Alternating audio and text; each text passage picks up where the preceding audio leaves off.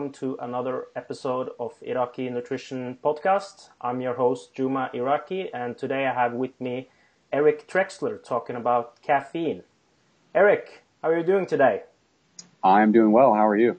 I'm fine, thank you. And thank you so much for agreeing to do this podcast with me on uh, caffeine. You've done a lot of research lately on this topic.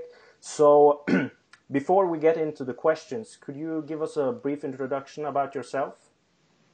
Yeah, my name is Eric Trexler. I am a PhD student at UNC Chapel Hill, working on a lot of exercise and nutrition research. Um, outside of that, I come from a powerlifting, bodybuilding background. Um, currently do a little bit of powerlifting coaching. Um, spend the rest of my time in the lab. Sounds great. Are you still competing now, or are you taking some time off?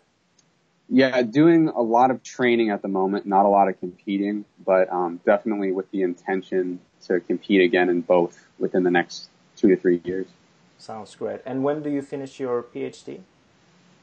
Um, that is a good question. Right now, I'm anticipating probably the spring of 2019.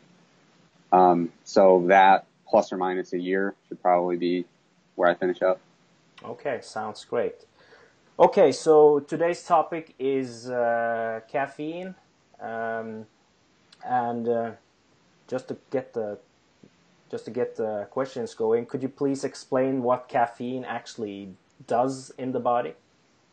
Absolutely. So caffeine is a, a pretty amazing thing, and the more I get into studying physiology, the more I start to realize that the brain really is calling the shots in just about everything. So the main mechanism by which caffeine is working is by influencing um, adenosine receptors, um, and especially those that are in the brain. So it basically is an antagonist. It goes into these adenosine receptors and blocks them from taking in adenosine. And so the effects of that are very widespread throughout the body. So most people who've had coffee or caffeine supplement intuitively know the effects of caffeine. Um, so basically, they range across the whole body. It's from things as simple as just um, general arousal and that alertness you get from it. Um, but there's also effects on uh, the endocrine system, um, substrate utilization, and then certainly effects on athletic performance. So uh, caffeine research and exercise started out looking at endurance performance, and we know at this point very uh, consistently and conclusively that caffeine does enhance endurance performance. And lately that has kind of shifted more towards strength and power performance, which is more of the research that I've done with it. Um, but there's, again, there's still, it's not quite as conclusive as with endurance exercise, but there's certainly evidence to suggest that caffeine, when taken at proper timing and dosage, definitely can help with performance with strength and sprint outcomes. Excellent. So does, besides the, the performance part, is there any research that caffeine have, can have some beneficial effects on general health? Uh, absolutely, yeah. I just that that's what's funny is I feel like if you go back 20 or 30 years ago, there was this thought that caffeine was inherently bad for you. So in some of the courses I teach here at UNC, we ask students to do um, basically a week long project where they track their intake. And I can't tell you how many times I've had people tell me, well, my diet's terrible, but the good news is I'm not using caffeine anymore. And it, it, it's like one of those things that it's very pervasive and it won't go away. This idea that caffeine's inherently bad for you. Um, but the more research that comes out recently, we see that caffeine has really unexpected positive health effects. So I just wrote a paper for a course talking about caffeine's effects on Parkinson's disease. And it turns out that there's a very clear and very well understood effect by which caffeine can be effective there. And it appears to, um, it appears to certainly help from a preventative side. Um, whether or not it can mitigate some of the effects once you have Parkinson's disease, that's still a little unclear. But but we've seen numerous uh, studies, um, things involving eye health and function, brain health and function, that appear to indicate that, assuming you're not using a really ridiculous daily dose of caffeine, there there do seem to be some pretty widespread health benefits as well. Interesting. And so, I, I, should point out though that usually these are epidemiolo- epidemiology studies, so it's hard to say if it's necessarily caffeine or if it's caffeinated beverages. So will a supplement of caffeine, will that do the exact same as coffee or tea? That stuff we still need a little more clarity on, just as a caveat. Okay, excellent. So, like you mentioned, uh, there's a lot of research both on endurance and um, resistance exercise that show that caffeine improves performance. When we talk about performance, is there any is there any difference if you ingest it in like, for example, liquid form like coffee, or if you ingest it in a supplement form? Um, so that was actually uh, the purpose of one of my studies that I've done with caffeine. Um, it, it's funny. There was a paper in 1998 that had a very good design that said we found that if you drink coffee before this endurance protocol, you see no or you see no performance benefit, but a caffeine supplement did cause a benefit. Um, but what they also found was if they took decaffeinated coffee and put in a caffeine supplement, it still didn't improve performance. Okay.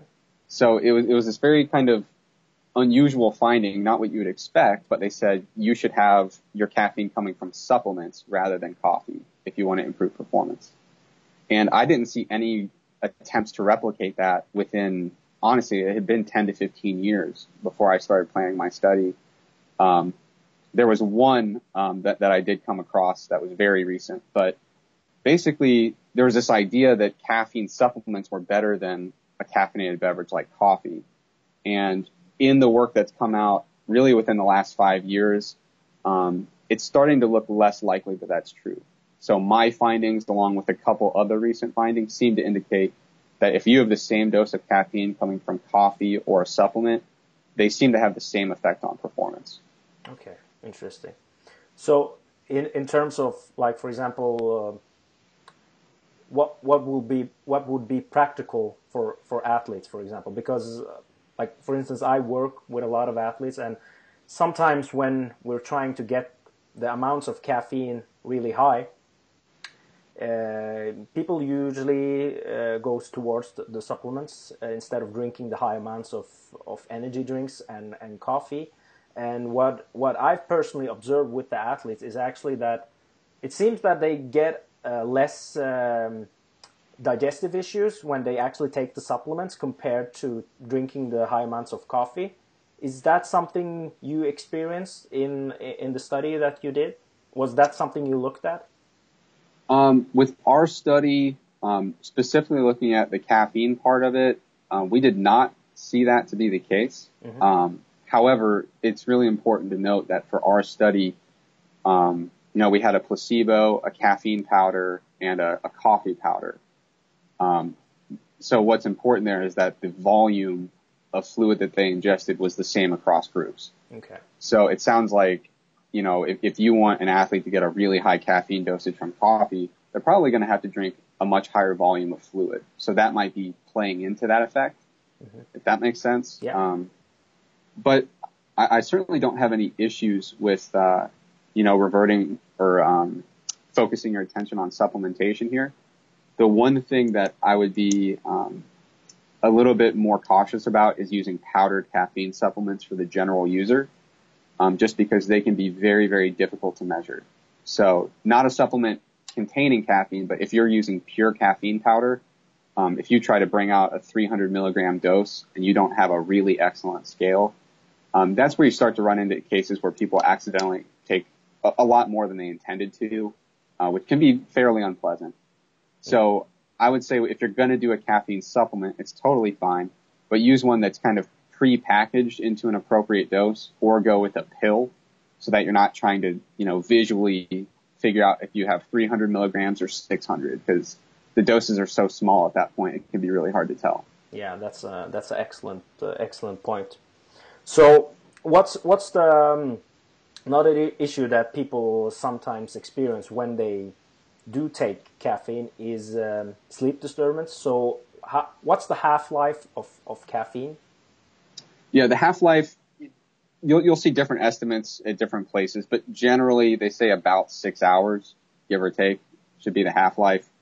Um, it is important to note though that I think genetics is a really exciting thing in sport and nutrition research that we're just starting to uncover the tip of that iceberg. Um, but this is one case for certain where with caffeine, it looks like there's different genetic factors that say basically they influence the rate at which a person might metabolize caffeine. Yeah. Um, so I would say even if the half life is, we'll say six hours, if you say, well, if I have it afternoon, I still can't sleep at nine, it, that could be a real thing. You know, so I, I think there's there's a lot of individual differences there. And on the other end of the spectrum, I actually fell asleep sitting up a couple weeks ago with, uh, ba- I basically drank a whole cup of coffee and fell asleep with it in my hands, like right that second. So, um, people's tolerance to caffeine and people's ability to metabolize it at different rates, um, it, it can vary quite a bit. It's funny you mention it because I have, if I work out late in the afternoon, I'll usually use a lower dose of caffeine, like energy drink with probably about 80, maybe 160 milligrams of caffeine. And that doesn't seem to um, disturb my sleep. But even if I take, like, I've experienced that. If, if I take 200 to 250 milligrams of caffeine in a supplement form after 2 o'clock, I really struggle to, to sleep at night. So I have to take it before, uh, before, um, before noon if I don't want to have but I don't seem to have the same issues when I take it in, in a liquid form. So I, I gears towards that if it's later in the afternoon and basically ta- if I'm going to take the supplements, I usually take them pretty early. So I think I'm one of the guys that metabolize it really, really slowly. Yeah, and it's a good point that you bring up, um, and kind of a weakness in the little anecdote that I told. But throughout the, the history of caffeine research, there have been a lot of times where we inappropriately equate coffee to basically be caffeine water. And it's really not. With coffee, you have well over a hundred biologically and physiologically active compounds within the solution. So um, that's kind of one of the reasons why in the research I've done on caffeine, we include a coffee group as well, because they are not um, biologically equivalent to just say caffeine is coffee, coffee's caffeine. And there are probably some compounds in, in coffee that can um, influence some of the effects we get from a pure caffeine dose. Um, so chlorogenic acids are, are typically a big class of compounds that come up in that discussion. So one might argue if that I was drinking a pure caffeine solution rather than coffee, maybe I wouldn't have fallen asleep. So it, it's kind of splitting hairs, but it is an important point to bring up when you're evaluating caffeine and coffee research. Interesting point. So, what seems to be the um, optimal dosage of caffeine to ingest right before a, a, workout? So, with caffeine dosing, it looks like for most people, three to five milligrams of caffeine per kilogram of body weight. Okay, so easy way to kind of scale that out. If you have, um, if you weigh between 60 to 100 kilograms, um, you, would be shooting for about 300 milligrams of caffeine. Okay. Um, and in general, you'd like to take that somewhere between 30 to 90 minutes before your, your exercise begins. So a lot of research does 60, some do as low as 30, some do as high as 90, but um, that that's usually the the pretty safe dosing protocol. And I say safe in terms of making sure you're maximizing your benefit. Um, you know, an acute overdose value is it's estimated at about 10,000 milligrams, which is a remarkably high dose. You'll never accidentally do that unless you have no idea what powder you're using. Um, and yeah, so that's that's the typical protocol that most will recommend. Okay. But uh, what if you're like if you're a, um, a coffee drinker, uh, drinks a couple of a couple of cups of coffee every day? Will you see the same benefits if you supplement with, with caffeine? Right. So um, you're referring to the concept of habituation. So the idea that if you habitually use caffeine, will you adapt to it and kind of lose its benefits or its effects? And the caffeine habituation, in my my opinion, we have surprisingly small amounts of information about it, especially pertaining to exercise. Um, right now, the safest conclusion you can draw, or the most appropriate, would be that performance does not suffer compared to people who don't use caffeine. So habituation appears to be specific to the exact effect that you're looking at. So if, if I drink coffee three cups every day, I probably won't get as high of a heart rate or a blood pressure response as somebody who doesn't use coffee if, if I'm given a caffeine supplement. Um, but it appears that whether you drink coffee every day or you never drink it, in the studies where we give someone caffeine or coffee and have them exercise, it seems to work basically the same. So, um, you know, personally, at some point in my career, I'm kind of just getting started on the research side. I'd really like to do more direct research figuring out the time course of habituation and also the time course of withdrawing from caffeine. So basically, let's say that you take caffeine every single day before your workouts. If I take that away, how does your performance suffer on day one of having no caffeine? How does it suffer on day two, three, four, and five? And at what point are you, you know, back to normal? So these are really important questions when, when it comes to guiding how we do these research protocols. And I don't think we necessarily have enough uh, evidence to do that yet. Okay, excellent. So, it, so, so some practical stuff here. So you're, so you're saying that you you can just take caffeine before your your workout and it won't suffer, like you won't lose the effect, or um, right right now that's what the evidence out there would suggest. So they, they'll do studies where they will do you know, a normal, pretty pretty standard caffeine study, give you caffeine, exercise, see what happens. And there have been studies that separate them into people who never have caffeine, people who have a ton of it. Doesn't seem to matter. Okay, so that's the evidence we have so far. Um, we've also found they've taken subjects who are, you know, very regular caffeine consumers, and they had them either do exercise right after caffeine, or, you know, they, they kind of did a crossover. They said, well, before we do the test, let's have you abstain from caffeine for four days. Basically try to knock you back down and then see how you perform. And that didn't appear to have an effect either. So it, it looks like to answer your question in a very short sentence, when it comes to exercise performance, it doesn't really matter if you're a normal consumer or not. The caffeine should have the same effect on exercise. Okay, that's interesting. Over to uh, another topic uh, um, regarding um, caffeine, because um, another popular supplements that a lot of people use is uh, is creatine, and um, for many years, um, people have talked about that caffeine may potentially lower the effect of creatine, and I know that you and uh, I think Abbie Smith was also uh, included in that study um, yep. where we actually looked at this. So, yeah. could you could you explain what, what, what the actual aim of the study was, how you designed it, and what you actually found in the study? Absolutely, yeah. So this is a funny story um, because this was something that I came across uh, as a junior in my undergraduate degree. Um, didn't have the ability to really look into it at that point. And when I came to UNC for my master's degree, um, Dr. Smith Ryan said, what would you like to do for a master's thesis? Do you have any ideas? And I said, I have an exact idea and we ran with it. And so that, that's really how the study came about. Um, certainly she helped me put together the protocol, but the, the idea kind of stewing for a couple years. And it's really humorous because I came across a couple studies and they indicated, um, you know, one study can never tell the whole story we have to replicate things to have confidence in the outcome. But I found a paper by Vandenberghe and his colleagues that said, if we give you caffeine every day during your creatine loading, the creatine doesn't seem to work. And they were confused because they thought it would actually help. And they followed up and they said, well, it looks like we did a very similar protocol.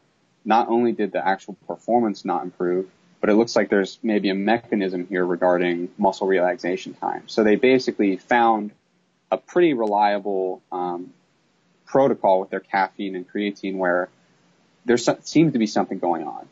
Okay, and that's that's really all there was out there on the topic. So I remember going around at a conference one summer after we had planned this study, and I I was all excited about it, talking to colleagues that I have a ton of respect for really excellent faculty members who do this type of research.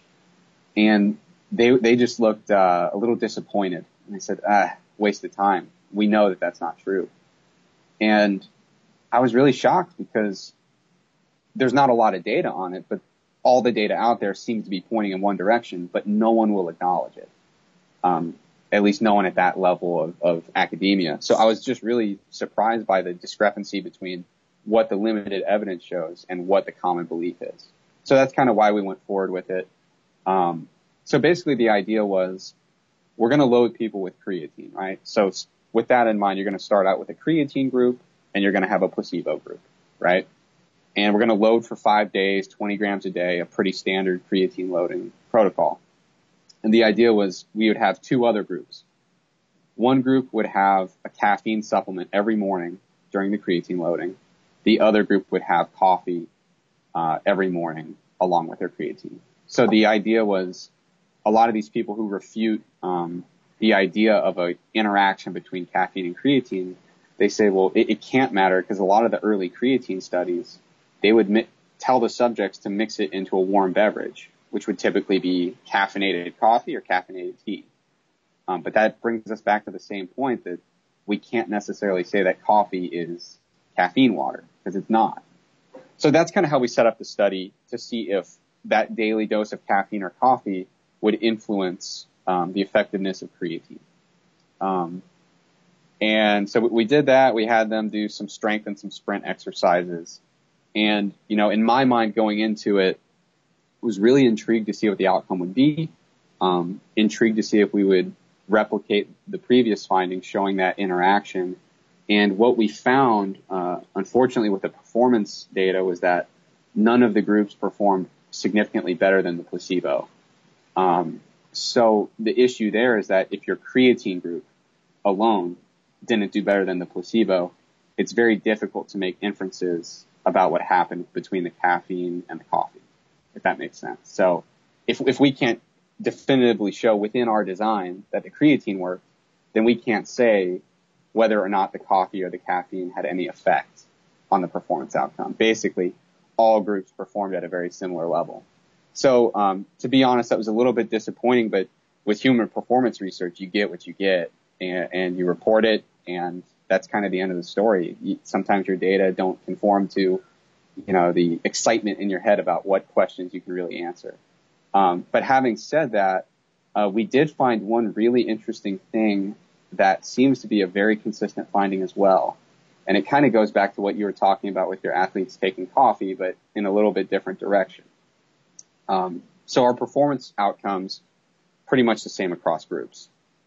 Uh, we did find uh, we measured serum creatinine levels, so did a little blood draw, and we found that basically every group taking creatine, the serum creatinine levels went up. And that is, it's not groundbreaking, but it's important to verify that pattern because I'm sure if, if you work with athletes, it's not rare to find an athlete come in and say, oh my God, my blood work's terrible. My doctor thinks my kidneys are falling out because look at my creatinine. And I got a question about this two weeks ago. And I said, for a liability reason, I can't tell you to ignore it because that would be pretty dumb on my part. But, you know, don't make your funeral arrangements yet.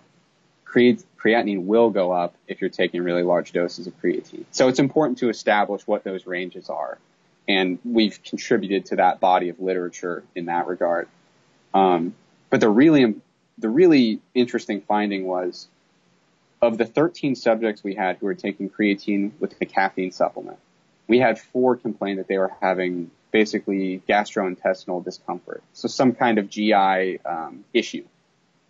We got that in no other groups, including the coffee group, which was a little bit unusual. So we looked back into some of these other studies and we found that's a pretty consistent finding is that when you have high dose caffeine and high dose creatine, um, about 30 to 40 percent of the sample is going to report that they had some level of GI distress. Um, so it, it, does seem to be one of those things that it happens time and time again. I can't I can't tell you exactly why that's the case. Um, I'd probably have to defer to somebody with a much stronger background when it comes to GI physiology and the gastrointestinal system. Um, but it is intriguing that from sample to sample, it seems to be a similar ratio or percentage, and it seems to be found pretty commonly. Um, and ultimately it, that resulted in me kicking myself. Um, not necessarily, but just it like gave me a flashback to a conversation that I had at a conference with um, Roger Harris. So Roger Harris is like the father of creatine. Um, he, he, I'm pretty sure he's the first person who said, "What if we gave creatine to people and measured their performance afterward?" I mean, he's really groundbreaking researcher. And I was talking about this, and he said, "Oh yeah, we tried that. We didn't publish it, but it just people's stomachs." And so it was one of those things where, because he had never published it, it, it hadn't gotten out. But um, it seems to be a pretty consistent finding that this combination of high dose creatine and high dose of caffeine anhydrous in a supplement form uh, really does seem to cause some of those GI issues. And the really crazy thing is that the coffee didn't. Um, so you would need some further research to have confident conclusions, but at least, at the very least, it can tell you, well, that's interesting. You know, like I said, everybody says there can't be this this interaction because of all these studies that use coffee, and it, it, it is possible that maybe some of this effect might be due to just having an upset stomach and performing uh, poorly.